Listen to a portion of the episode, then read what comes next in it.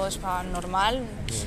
Eh, entonces levanto la cabeza y veo a un, a un niño con el cuchillo en la mano y nada, he visto que le ha plantado, se lo ha plantado a la profesora. Al principio no me lo creía, no sabía si era verdad, si era mentira. Y de repente ha habido un, un alumno que ha abierto la puerta del fondo de la clase que comunicaba con la de al lado y nos hemos ido todos por esa puerta.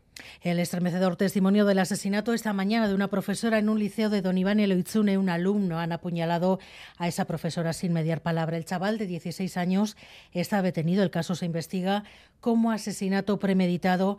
David Veramendi en las puertas del liceo Arracha León.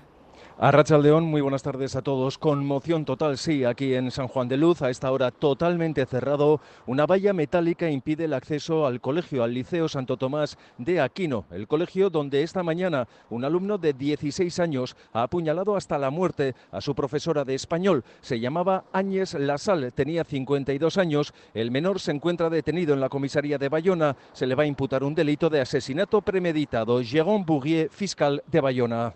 C'est qu'une enquête a été confiée au service de la police judiciaire de Bayonne.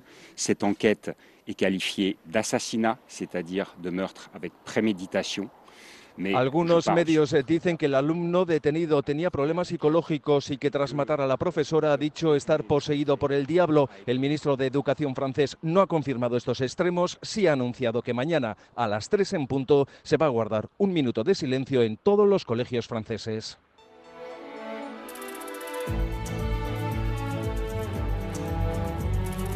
Gambara con Arancha García.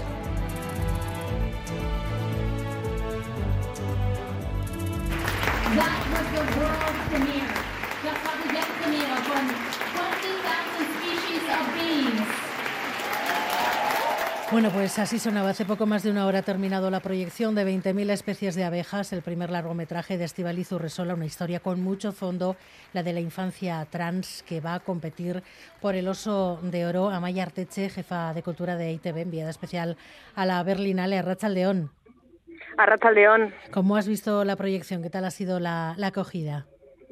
Bueno, pues ha sido un estreno mundial eh, maravilloso. La película ha recibido una gran ovación, como acabamos de escuchar. Han sido minutos muy generosos de cálidos aplausos por parte de los aproximados 1.500 espectadores que se han reunido hoy en esta Berlinale Palace para, ver ese estreno mundial, para ver la cinta de Estivaliz Urresola, como apuntabas, la ópera prima de la directora alavesa que llega a esta sección oficial y lo hace ya, apuntaba anteriormente, que la la cinta estaba cosechando muy buenas críticas por parte de la prensa en el pase de prensa que ya ocurrió ayer por la tarde, pero lo de hoy ha sido una constatación de que la película está gustando, de que la película llega al fondo del público, que conmueve y, que, va a ser una, muy buena carrera aquí en, en, Berlinale. Y se está, constatando de que Estivaliz Urresola es una directora que tiene esa capacidad, ese talento para contar historias historias muy humanas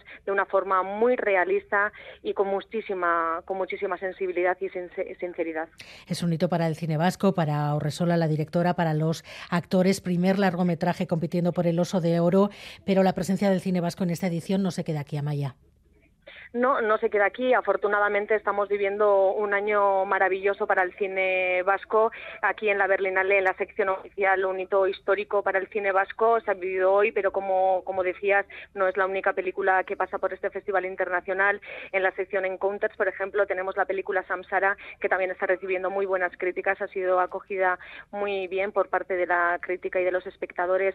También está Misión a Marte y también están eh, aquí estos días jóvenes talentos, jóvenes directores como Maggi Barber o Miquel Gurrea, el director de la película Suro, eh, ganador de Gaudí, de los premios Gaudí, también nominada a los premios Goya, y está siendo todo un acontecimiento para, para el cine vasco. Hoy aquí se respiraba muchísima emoción, eh, muchísima alegría eh, por todo el recorrido que está, que está haciendo ¿no?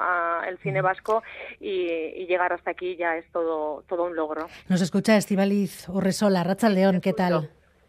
Muy bien. ¿Cómo ha ido la proyección? Hemos escuchado los aplausos. ¿Cómo ha sido recibida por el público ahí en Berlín? Pues ha sido tremendamente emocionante. La verdad es que ha sido un, un breakdown, no sé, un colapso eh, en el momento emocional, pues de por fin como también cerrar este ciclo ¿no? de, de trabajo y compartirlo con el público es un momento tan ansiado, tan deseado y que encima se dé con este cariño que lo ha recibido la sala y ha sido tan bonito eh, la proyección, bueno, ha sido muy emocionante para Mm. todas.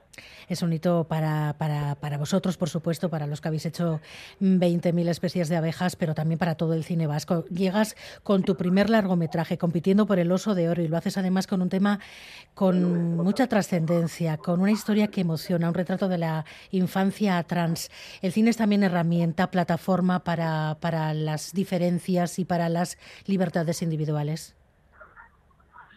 Claro, eh, para mí yo como entiendo el cine y, al cine al que más le debo y al que más agradecida le estoy es a, siempre a ese que me ha permitido comprender el mundo de una forma nueva para mí hasta hasta ese momento, ¿no? Y sí que pienso que el cine tiene esa capacidad de, de crear puentes, de establecer vínculos entre personas y realidades que a priori no tienen por qué eh, estar o, que bueno o que muchas veces el público no tiene por qué conocer todas las realidades del mundo, ¿no? Y es una para mí sí que es un, una herramienta de acercamiento, de encuentro y de y de aprendizaje.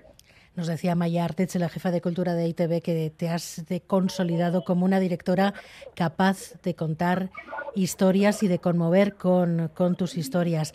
Esta idea de esta película nació en 2018 después de que tú conocieras el suicidio de Kai en, en Ondarroa. Sí, yo creo que mm, en 2018 creo que la- el, el imaginario colectivo y el conocimiento de, las realidades trans y también en la infancia no, no, no formaban parte del, del debate social ni de ni del imagi- pues, del discurso mediático tampoco, ¿no? No creo que, mm, que todavía estábamos mirando como sociedad hacia ahí y, ese momento, ese suceso que fue tan triste y tan a mí me, me llevó como a una reflexión de por qué podía estar pasando que, que estaba en nuestra mano como colectivo y concretamente en lo individual cómo podía yo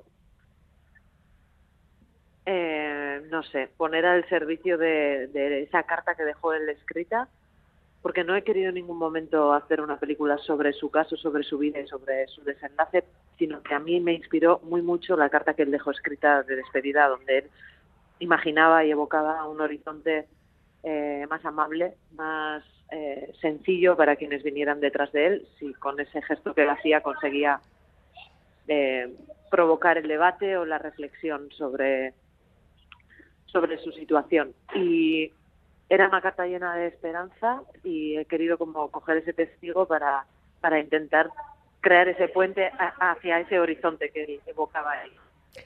Pues tenemos que dejarlo aquí, Estivaliz Urresola, Sorionak.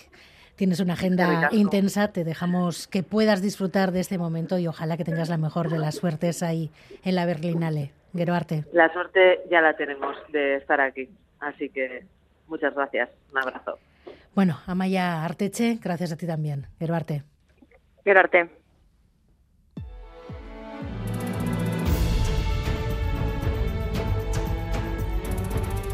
Más de 50 víctimas de abusos sexuales en el seno de la Iglesia vizcaína se ha denunciado, lo ha confirmado la comisión creada por el Obispado de Bilbao para investigar los abusos a menores en el seno de la Iglesia en Vizcaya. Se han abierto 32 expedientes por abusos cometidos en congregaciones religiosas, por sacerdotes de la diócesis y en la Misericordia y en Bilbao y el Seminario de Derio. Medio centenar ha dado el paso, muchas otras de las víctimas no.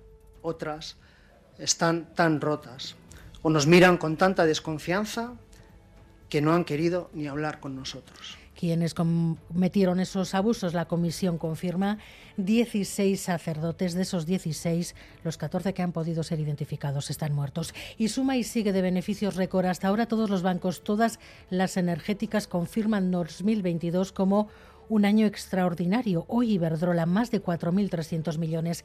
Y además en el Congreso, Pedro Sánchez se ha comprometido a intentar que Macron cumpla el compromiso de enlazar con la alta velocidad por el eje atlántico en 2030 y no en 2042, como decía un informe conocido hace unos días. Mi duda es qué es lo que asumieron realmente en esa cumbre. Que se lo digo también porque, por ejemplo, en el tema de pasos fronterizos siguen cerrados y era otro de los grandes temas de Barcelona. Bueno, pues cuando vayan allí, espero que no se les tomen el pelo y que verdaderamente digan que se tiene que cumplir lo que se acordó en Barcelona. Vamos a cumplir con nuestro plazo y, por supuesto, vamos a exigir al gobierno de Francia que cumpla con lo que efectivamente nos dijo y que también está pidiendo la Comisión Europea y es acelerar esos plazos de inversión. Bueno, pues son algunas de las cuestiones que vamos a abordar en los próximos minutos, pero ya toca el deporte con qué viene hoy el avance. Alberto Neura, Racha León. A Racha León, pues sin duda el protagonista del día es Iker y Ribarría, el campeón manumanista más joven de la historia, ha confirmado en el día de hoy que tiene que dejar la práctica activa del deporte de la pelota debido a problemas en su rodilla derecha